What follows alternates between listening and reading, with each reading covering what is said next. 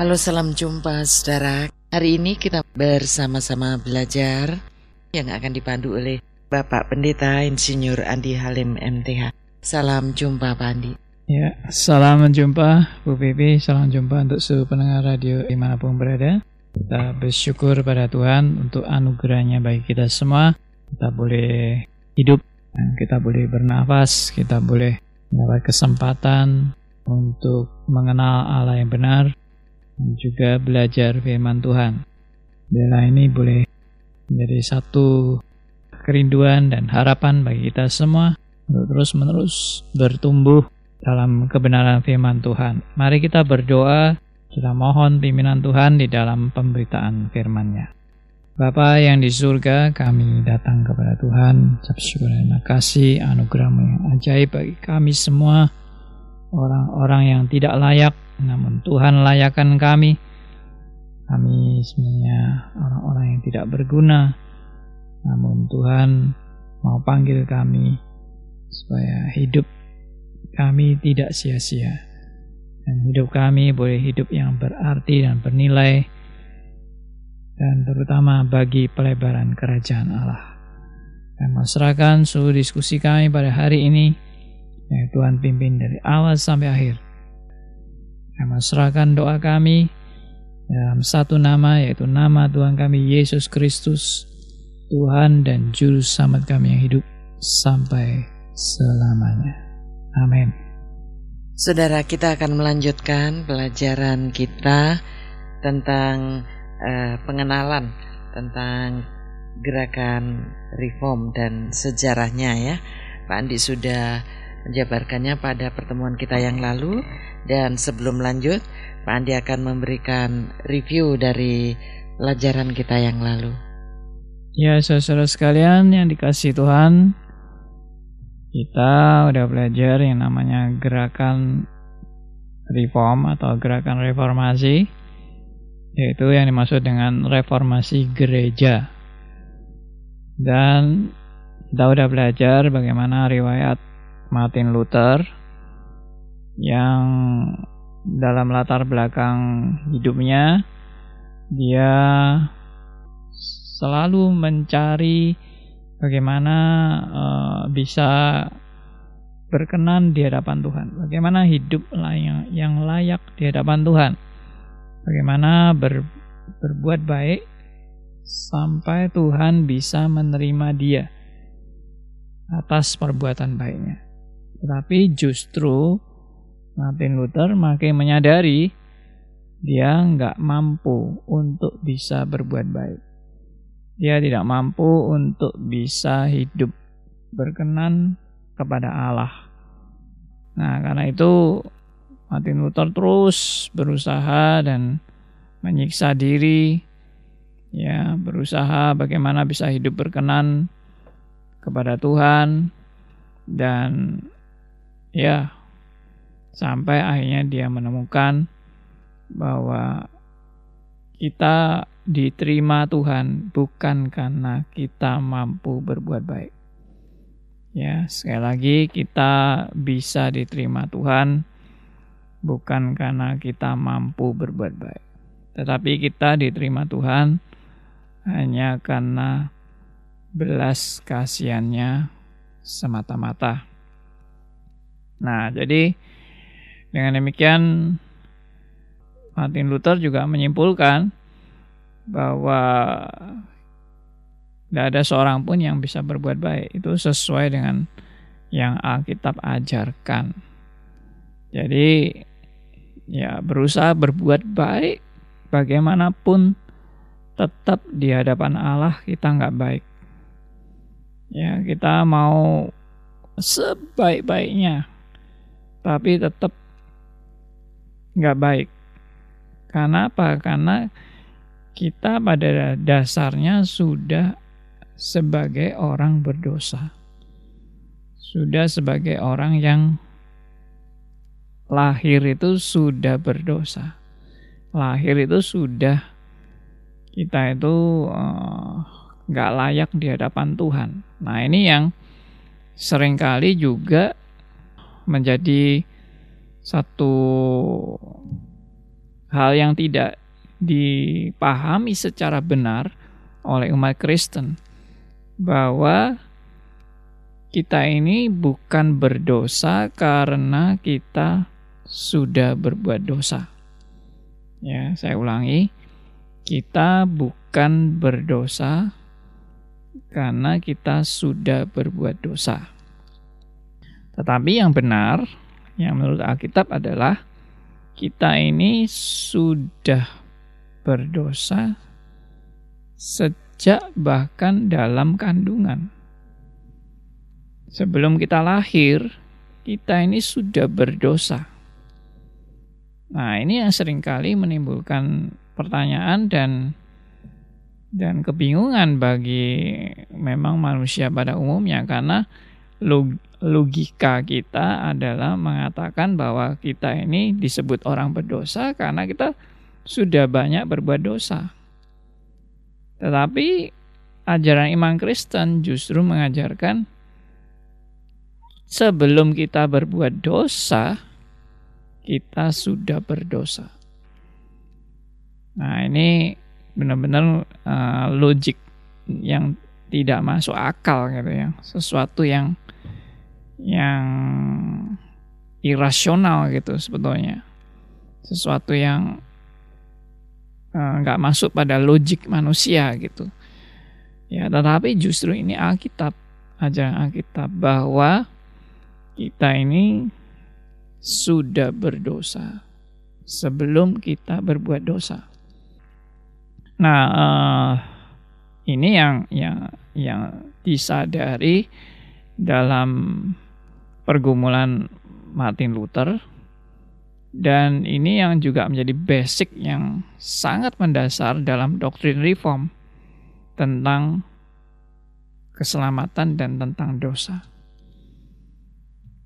Jadi uh, kalau kita mungkin ada orang yang bertanya, uh, apa dasarnya sebelum berdosa kok sebelum berbuat dosa kok kita ini sudah berdosa?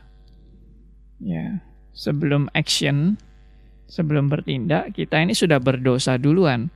Lu kok bisa begitu? Nah ini yang disebut dalam doktrin iman Kristen disebut sebagai dosa asal. Dosa asal. Jadi kalau bicara soal keselamatan ya dan keselamatan itu anugerah, kita harus paham nih mengenai yang namanya dosa asal. Jadi kalau pemahaman kita tentang dosa asal ini juga nggak benar ya kita nggak ngerti tentang yang namanya anugerah. ya, nah, nah kita mengajarkan apa tentang dosa asal? Ya, jadi dosa asal itu dosa yang berasal dari Adam dan Hawa yang sudah jatuh dalam dosa. Dan Adam dan Hawa yang sudah jatuh dalam dosa, akibatnya seperti yang Allah katakan, kamu akan mati kalau kamu makan buah pengetahuan yang baik dan jahat. Nah, padahal setelah makan penget, buah pengetahuan yang baik dan jahat, setelah makan pengetahuan buah pengetahuan buah pengetahuan yang baik dan jahat, Adam dan Hawa tidak mati. Tetapi yang dimaksud mati di sini adalah bukan mati secara fisik, tetapi mati secara rohani mati secara rohani. Nah, jadi dalam hal ini eh, Adam dan Hawa pada saat makan buah pengetahuan yang baik dan jahat secara fisik tidak mati, tetapi secara rohani mati.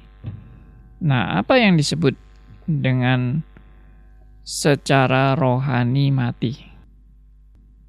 Ya, mari kita lihat dari kejadian pasal yang kedua ayat yang ke-17 kejadian pasal 2 ayat yang ke-17. Kejadian pasal 2 ayat yang ke-17. Tetapi pohon pengetahuan tentang yang baik dan yang jahat itu janganlah kau makan buahnya, sebab pada hari engkau memakannya pastilah engkau mati. Iya. Pada hari engkau memakannya pasti engkau mati. Nah, padahal nggak mati kan? Jadi yang dimaksud mati di sini bukan mati secara fisik, secara jasmani, tetapi mati secara rohani. Nah, mati secara rohani itu apa? Mati secara rohani itu adalah terpisah dari Allah atau putus hubungan dengan Allah. Nah, ini secara doktrinal dan secara uh, berita Alkitab itu fakta kebenaran bahwa Adam dan Hawa pada saat makan buah pengetahuan yang baik dan jahat, maka relasi dengan Tuhan itu sudah terputus. Ya, mungkin uh, yang dimaksud terputus ini sudah tidak harmonis lagi. Sudah tidak sinkron lagi. Sudah tidak sejalan lagi. Sudah tidak ada lagi relasi yang benar dengan Allah yang benar.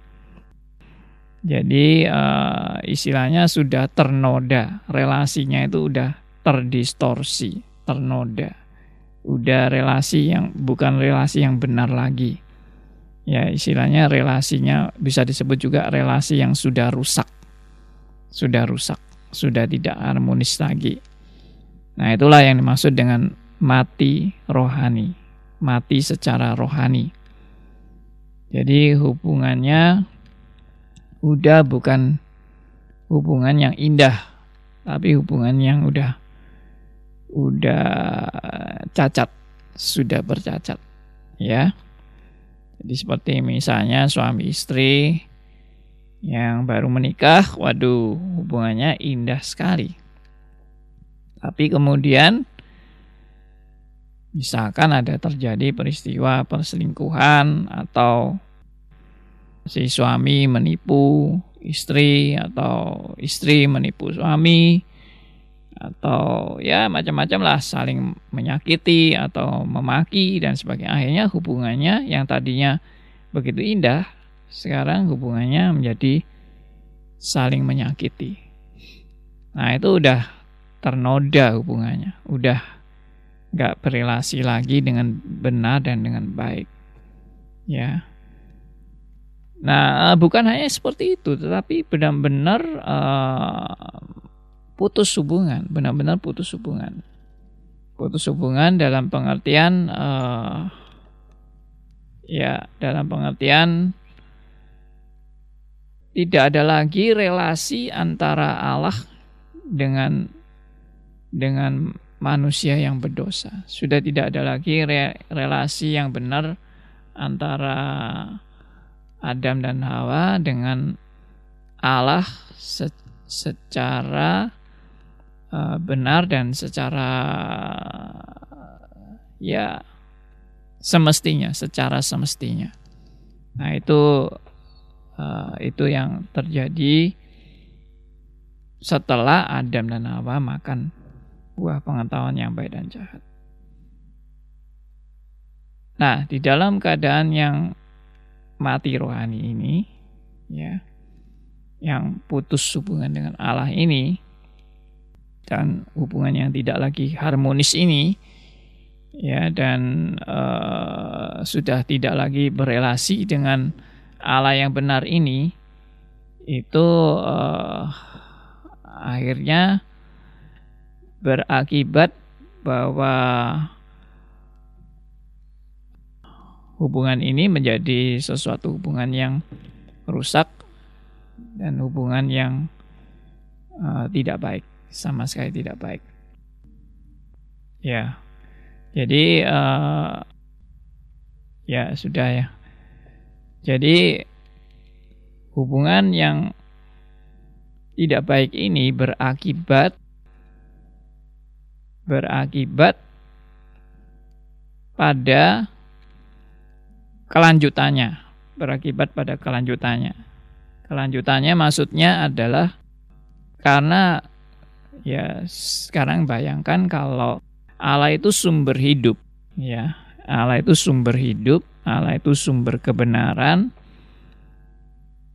Allah itu sumber daripada seluruh hal di mana manusia bergantung kepadanya, maka kalau putus dengan sumber itu bagaimana?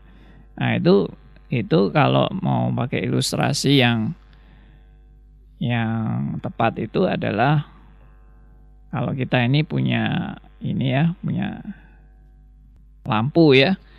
Dan lampu ini eh, kabelnya berhubungan dengan sumber listrik gitu. Nah, pada saat lampu ini berhubungan dengan sumber listriknya, dia akan menyala. Tetapi bagaimana seandainya sumber listriknya itu di uh, kabel yang menempel ke sumber listrik ini dicabut atau diputus? Maka lampunya akan mati. Nah, ini ilustrasi yang yang berkaitan dengan tadi. Kalau kita ini kan semuanya bersumber bergantung kepada Allah.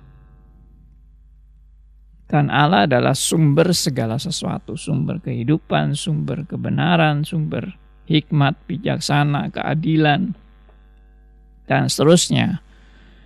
Lalu manusia putus hubungan dengan Allah. Apa akibatnya? Ya, akibatnya ya manusia akan mengalami mati. Tapi di sini matinya bukan mati fisik, tapi mati secara rohani.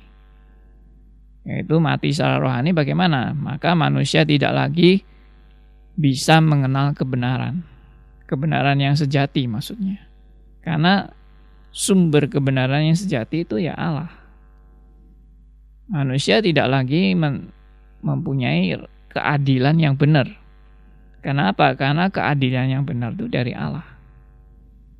Manusia tidak lagi mempunyai hikmat yang benar. Kenapa? Hikmat yang benar itu dari Allah. Jadi keadilan, ya, hikmat, kebenaran, kasih, ya, pengetahuan dan sebagainya. Nah, itu semua menjadi rusak gara-gara terputus hubungan dengan Allah. Nah, inilah akibat dosa saudara. Nah itu kelanjutannya ya setelah uh, Adam dan Hawa melanggar perintah Allah dan mati. Oke, lalu akibat berikutnya lagi, akibat berikutnya lagi yaitu seluruh keturunan Adam dan Hawa ikut terimbas gitu, ikut menerima akibatnya. Jadi ini uh, Adam dan Hawa bukan hanya menerima itu sendiri untuk mereka sendiri, tetapi mere, uh, mereka menerima itu berakibat pada keturunannya. Jadi seluruh keturunan Adam dan Hawa mengalami itu akibat daripada perbuatan Adam dan Hawa yang sudah melanggar perintah Allah, akibatnya semua juga mengalami terkutuk. Ya. Jadi akibat Adam dan Hawa itu semua terkutuk. Seluruh keturunan menjadi terkutuk. Nah, jadi akibatnya semua orang dari keturunan Adam dan Hawa itu semua juga berdosa. Ikut berdosa ini adalah berita Alkitab. Mungkin ada orang yang mau tidak terima atau enggak senang lu saya kan tidak ikut-ikut pak. Dengan Adam dan Hawa. Kok saya dilibatkan? Saya tidak ikut makan buah itu, tapi kok saya terkena akibatnya. Ya, nah ini ini mau nggak mau, seneng nggak seneng, kita semua merasakan akibatnya. Kita semua mengalami uh, dari apa yang di akibat apa yang dilakukan oleh Adam dan Hawa.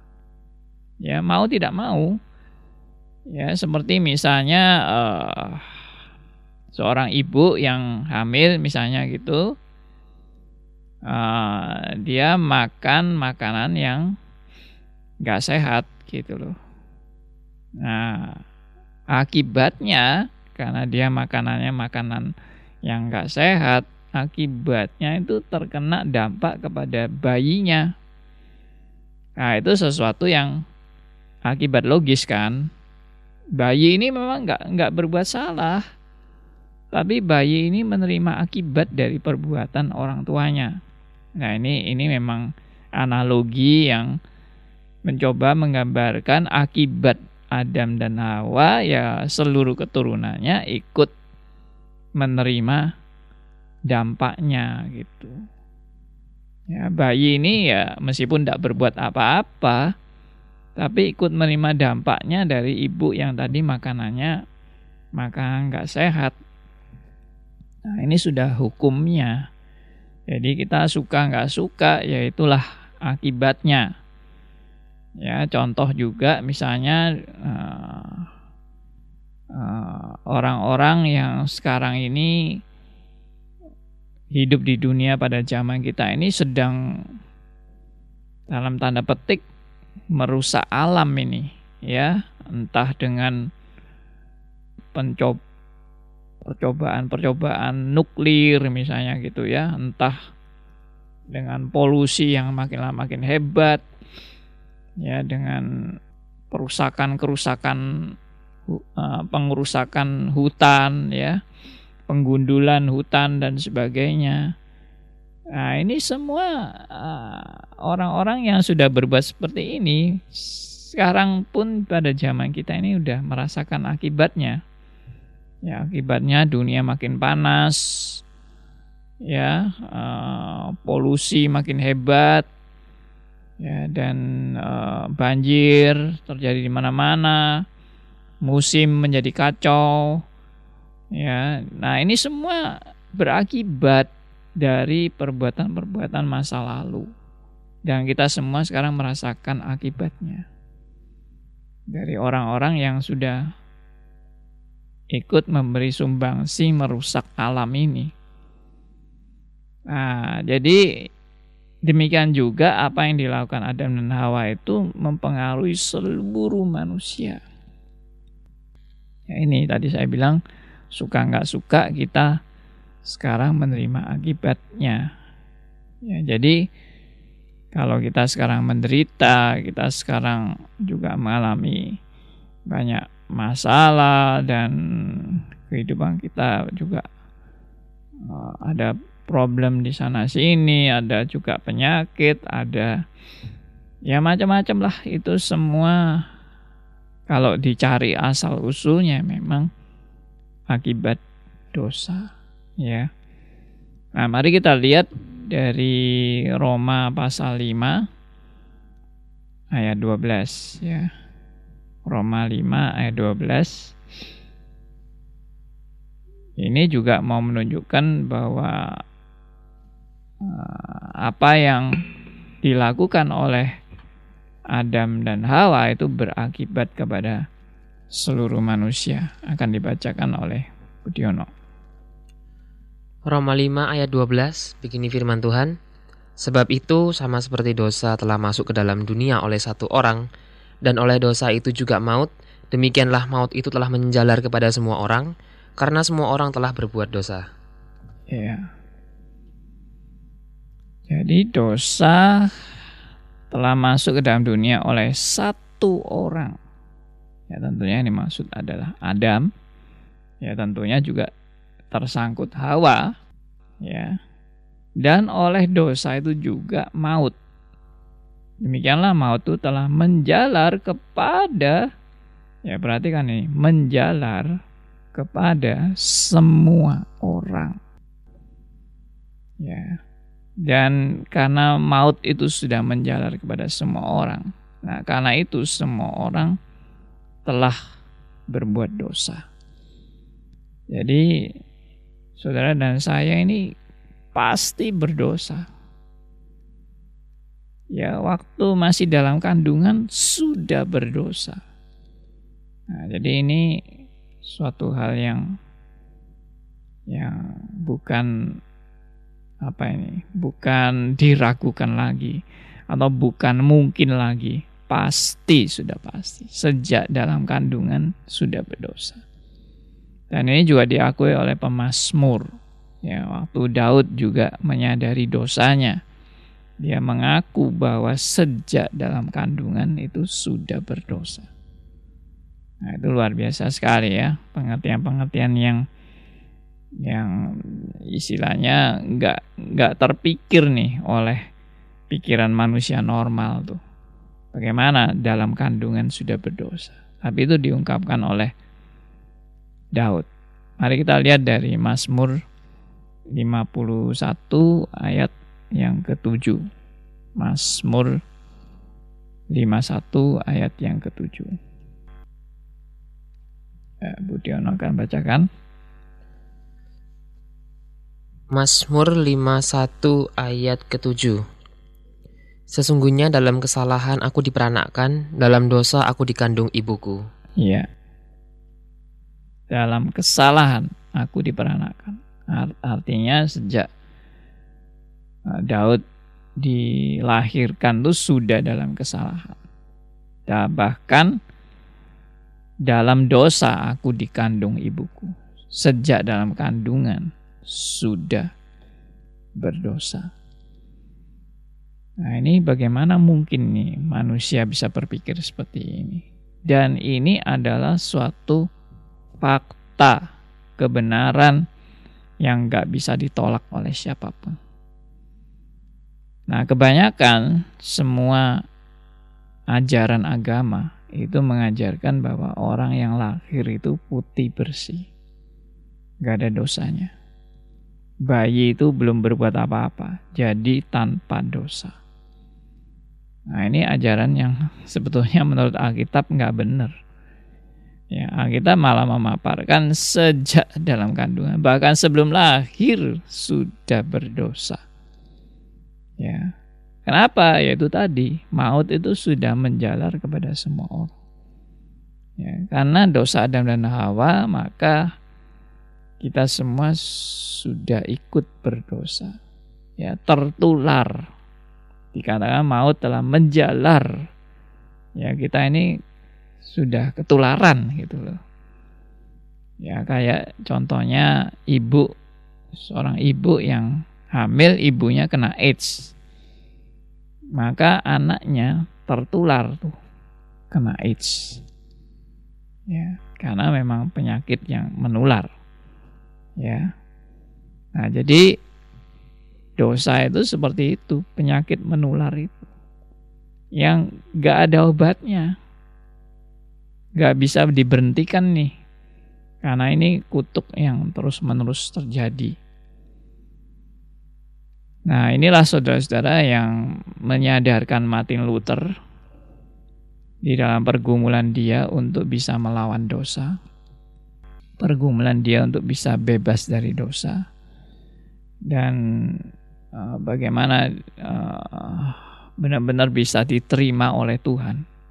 Itu yang digumulkan oleh Martin Luther. Bagaimana dia bisa diterima oleh Tuhan dengan berbuat baik, dengan berbuat baik. Akhirnya dia gagal, gagal, gagal, gagal sampai frustrasi, sampai akhirnya sadar bahwa semua itu hanya karena uh, anugerah saja. Hanya karena anugerah saja. Kalau Tuhan tidak memberi anugerah, ya kita semua pasti binasa. Only by grace, ya grace alone, sola gracia Nah, itu yang kita bahas. Ya. Jadi dalam hal ini pembahasan kedua tentang uh, gerakan reformasi ini atau gerakan reform ini ini berkaitan dengan sola gracia. Kenapa sola gracia? Ya karena kita ini sudah pasti hopeless. Sudah pasti nggak ada harapan. Sudah pasti binasa. Tapi Tuhan memberikan anugerah kepada orang-orang pilihannya sehingga kita yang seharusnya binasa kita boleh diselamatkan dan keselamatan itu diberikan secara cuma-cuma, gratis, nggak pakai bayar. Kenapa gratis nggak pakai bayar? Ya karena nggak ada yang bisa bayar. Ya, karena kita nggak mampu bayar. Ya, kalau saya misalnya hutang ya kepada Bu Pipi misalnya begitu, ya toh? Bu PP misalnya konglomerat. Saya orang nggak punya. Lalu saya hutang 1 M. Buat apa? Ya ongkos operasi dari orang tua saya yang harus dioperasi dan biayanya sangat mahal. Saya memerlukan uang 1 M.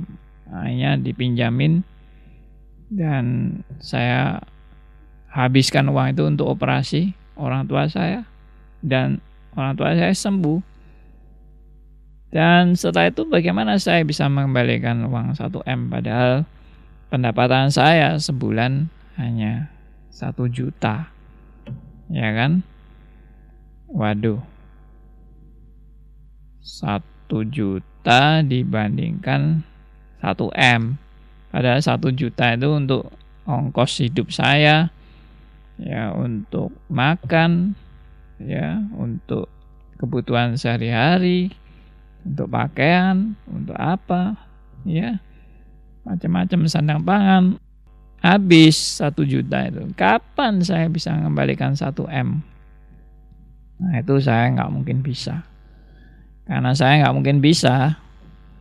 Lalu ada orang yang mau kasih sama saya satu m gratis Nah, itu misalnya Budiono kasih saya 1M gratis. Ini Pak, saya berbelas kasihan sama Pak Andi.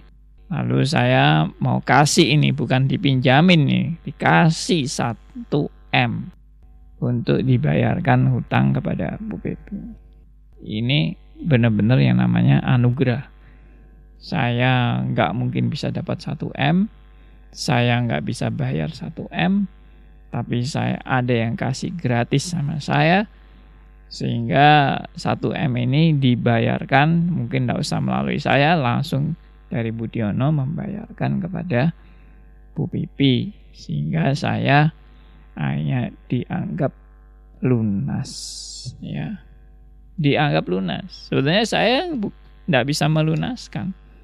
Tapi saya dianggap lunas karena apa? Ada yang membayarkan.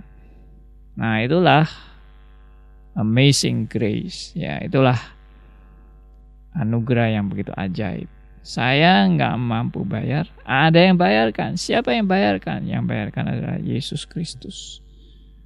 Dia sudah bayar seluruh hutang dosa saya di kayu salib. Dia sudah menderita bagi saya. Dia sudah mengorbankan nyawanya bagi saya. Sehingga saya boleh dibebaskan dari hukuman yang harus saya alami. Ya, inilah suatu berita amazing grace, berita anugerah yang yang sungguh ajaib dan inilah kebahagiaan yang luar biasa bagi setiap orang percaya.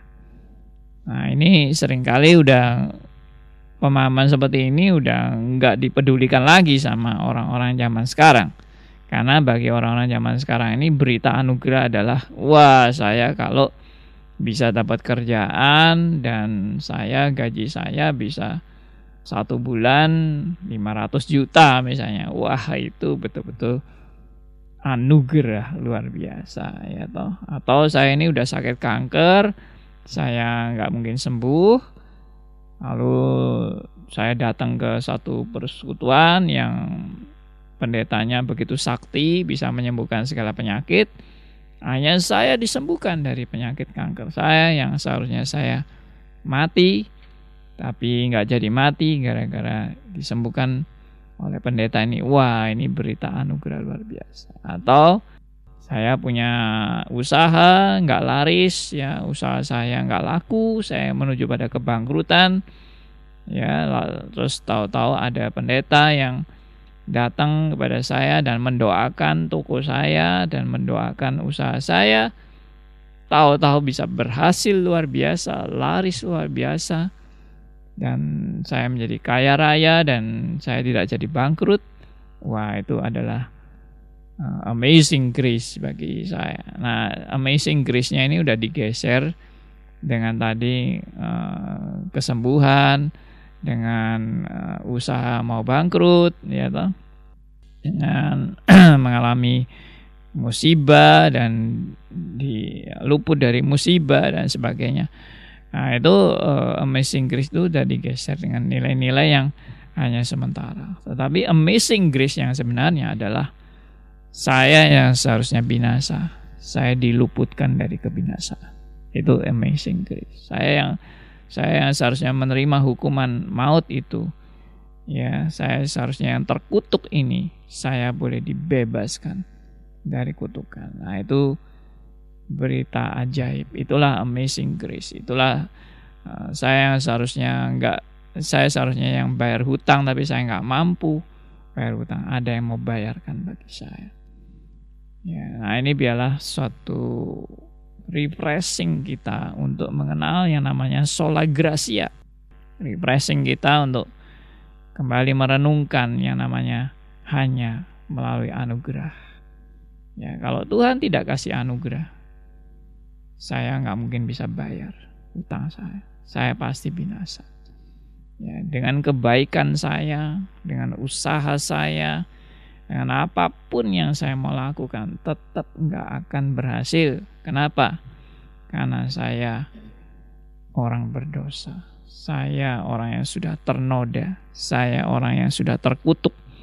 Saya sudah mati rohani. Gak mungkin orang mati rohani bisa hidup sendiri. Gak mungkin orang mati rohani bisa berkarya. Karya yang sesuai dengan standar Allah. Gak mungkin ya semua orang yang mati rohani hanya bisanya berbuat dosa bisanya memberontak kepada Allah. Dalam keadaan mati rohani kita nggak mampu untuk bisa mengerti kehendak Allah. Nggak mampu untuk bisa bisa melakukan kebenaran yang sesuai dengan kebenaran Allah.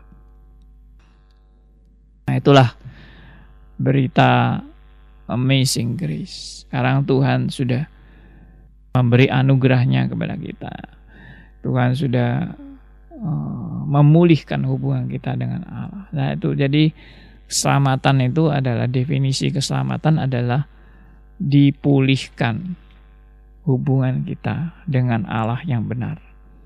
Ya, pemulihan hubungan dengan Allah yang benar. Itulah keselamatan, definisi keselamatan. Jadi definisi keselamatan bukan berarti saya sembuh dari penyakit, saya sukses dagangan saya, saya uh, permintaan saya dikabulkan oleh Tuhan dan sebagainya dan sebagainya. Tapi keselamatan yang sejati adalah saya yang tadinya putus hubungan dengan Tuhan. Sekarang hubungan dengan Tuhan itu sudah dipulihkan kembali. Ya. Maka ada kata berdamai dengan Allah. Nah, itu itu kata-kata yang begitu menyejukkan ya berdamai dengan Allah. Kenapa? Tadinya saya adalah musuh Allah. Saya selalu berlawanan dan bertentangan dengan Allah. Tetapi sekarang saya boleh kembali berdamai dengan Allah. Nah, kiranya ini boleh menguatkan, meneguhkan dan uh, mengembalikan kita pada pengertian yang benar tentang sola gracia.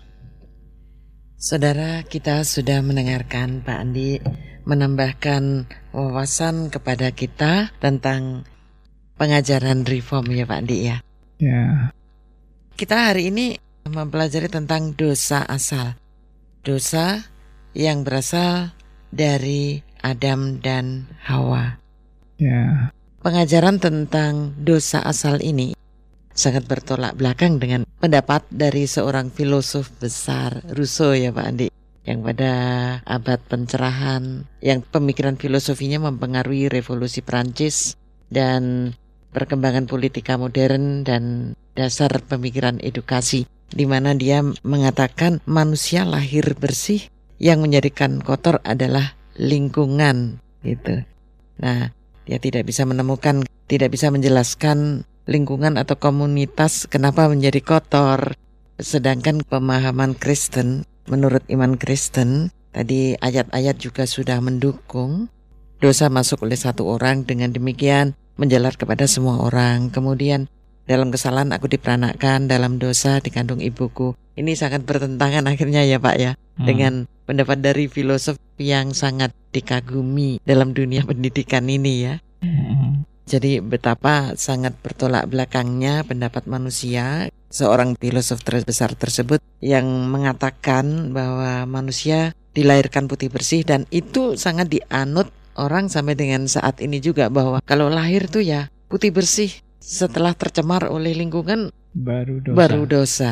Nah itu yang banyak dianut ya Pak ya. Berarti pemahamannya ya memang sangat bertolak belakang dengan iman Kristen kalau begitu ya Pak ya.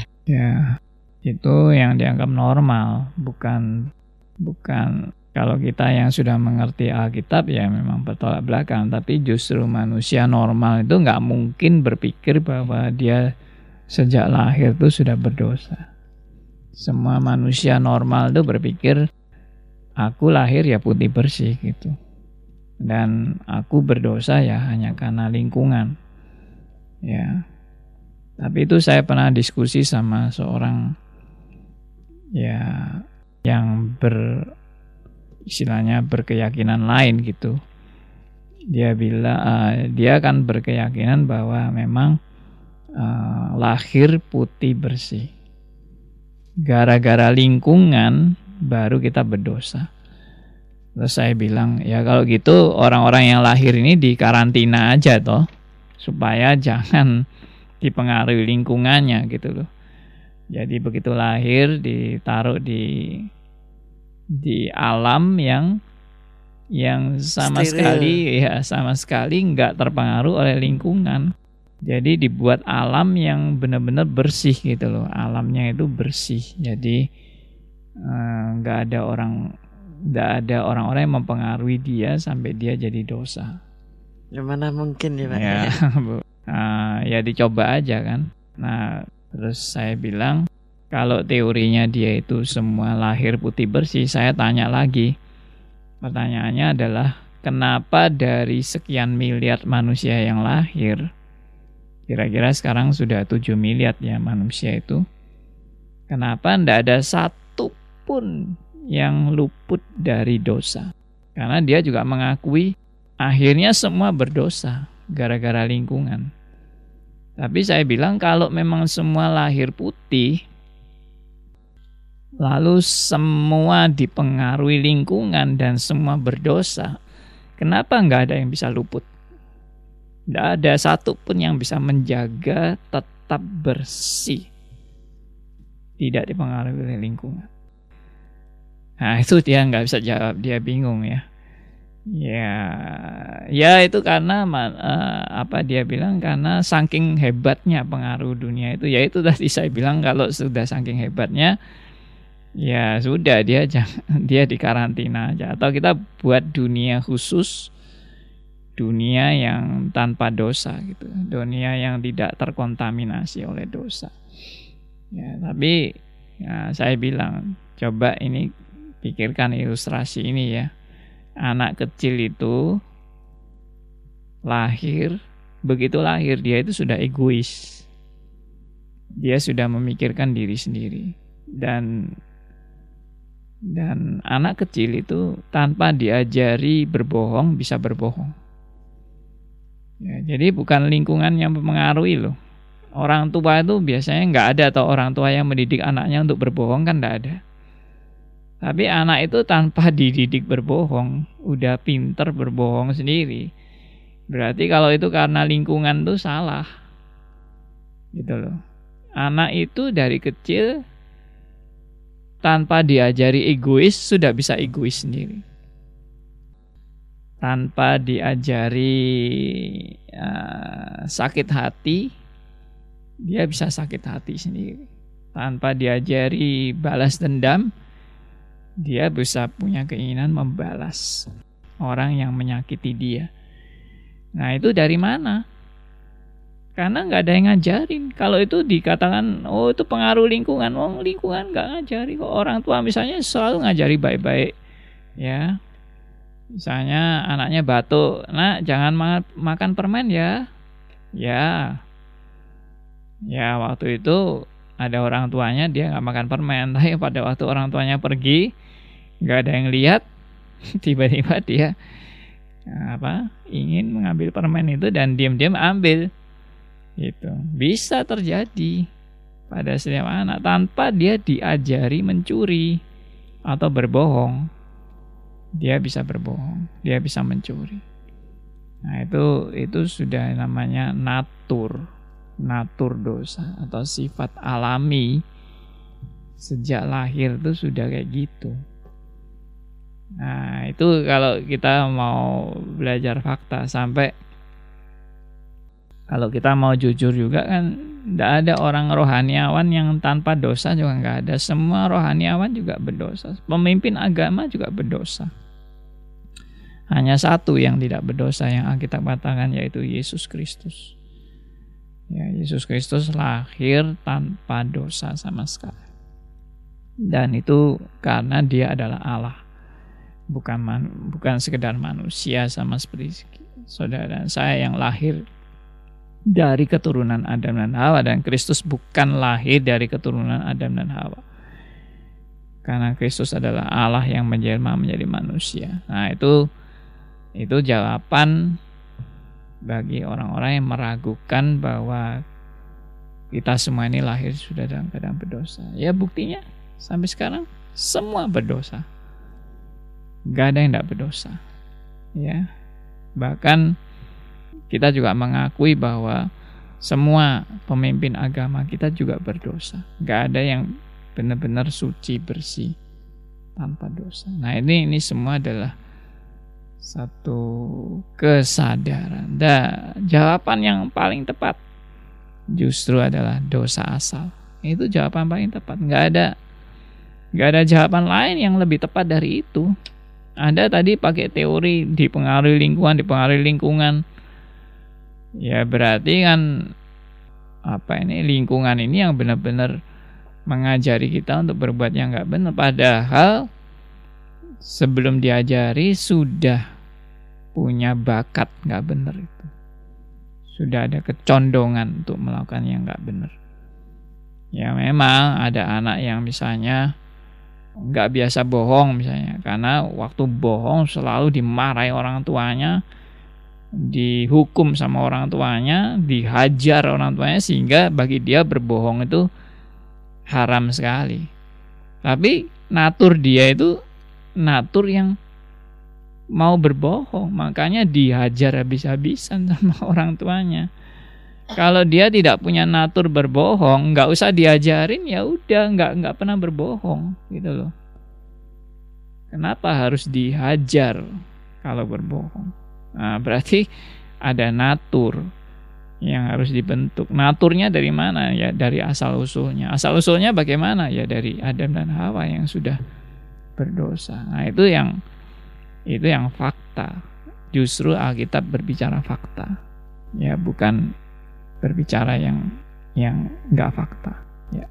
Jadi mau nggak mau kita ini terimbas dosa warisan ya, Bandi ya mewarisi mewarisi dosa Adam dan Hawa. Mm-hmm.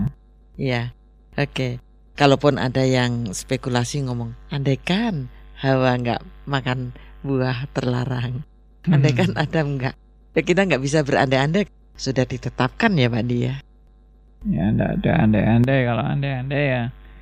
Nggak ada penetapan. Ya, itu apa ini segala sesuatu tidak ada kepastian kalau berandai-andai. Semua itu sudah sudah terjadi dan yang terjadi itu sudah pasti. Nah, kalau semuanya sudah terjawab ada dalam Alkitab, berarti sesungguhnya pemahaman reform nggak ada yang baru ya Pak ya? Sudah ada semua dalam Alkitab ya. ya? Justru nggak ada yang baru. Reform itu bukan suatu yang baru. Reform itu spiritnya kan kembali kepada Alkitab. Jadi apa yang Alkitab katakan itu yang kita pelajari baik-baik dan justru banyak orang yang sudah meninggalkan Alkitab. Hmm. Makanya kita mau ajak orang-orang untuk kembali. ayo kembali kepada Alkitab. Ini bukan pikiran baru, hmm. bukan bukan aliran baru. Justru karena banyak yang nggak tahu dipikir ini baru gitu. Padahal sesuatu yang amat sangat lama yang justru sangat basically sekali tapi yang sudah ditinggalkan oleh orang-orang zaman sekarang. Oke, Pak Andi akan memberikan kesimpulan akhir. Ya, puji Tuhan bahwa kita sudah boleh mengerti kebenaran, kita boleh paham apa yang dimaksud dengan sola gracia, dan ini baru tahap kedua. Kita akan melanjutkan pada tahap yang ketiga, membahas tentang sola gracia. Ya, dan kita makin diteguhkan dan diteguhkan benar-benar semua hanya karena anugerahnya, bukan karena kebaikan kita, bukan karena kebolehan kita, bukan karena jasa kita, usaha kita, kehebatan kita sama sekali tidak. Kita justru tidak mampu, kita tidak berdaya, ya kita udah mati, mati rohani karena dosa asal, ya. Tapi Tuhan yang justru berbelas kasihan dan memberikan anugerahnya kepada kita semua. Mari kita berdoa, kita mohon pimpinan Tuhan. Bapa yang di surga, kami datang kepada Tuhan. Kami bersyukur, terima kasih anugerah baik kami. Kami orang-orang yang tidak layak. Namun Tuhan layakkan kami. Hanya karena belas kasihanmu, anugerahmu yang begitu ajaib bagi kami semua. Kami serahkan seluruh pendengar radio di mana pun berada. Kiranya juga boleh belajar firman Tuhan dan terus boleh bertumbuh dan makin mengenal kebenaran firman Tuhan yang begitu dalam dan semuanya karena hikmat dan anugerah Tuhan saja. Kami mau serahkan doa kami dalam nama Tuhan kami Yesus Kristus, Tuhan dan Juru Selamat kami yang hidup sampai selamanya. Amin. Terima kasih Pak Andi. Terima kasih Bu Pipi. Terima kasih saudara yang sudah bersama dengan kami. Kita akan bertemu lagi pada edisi akan datang.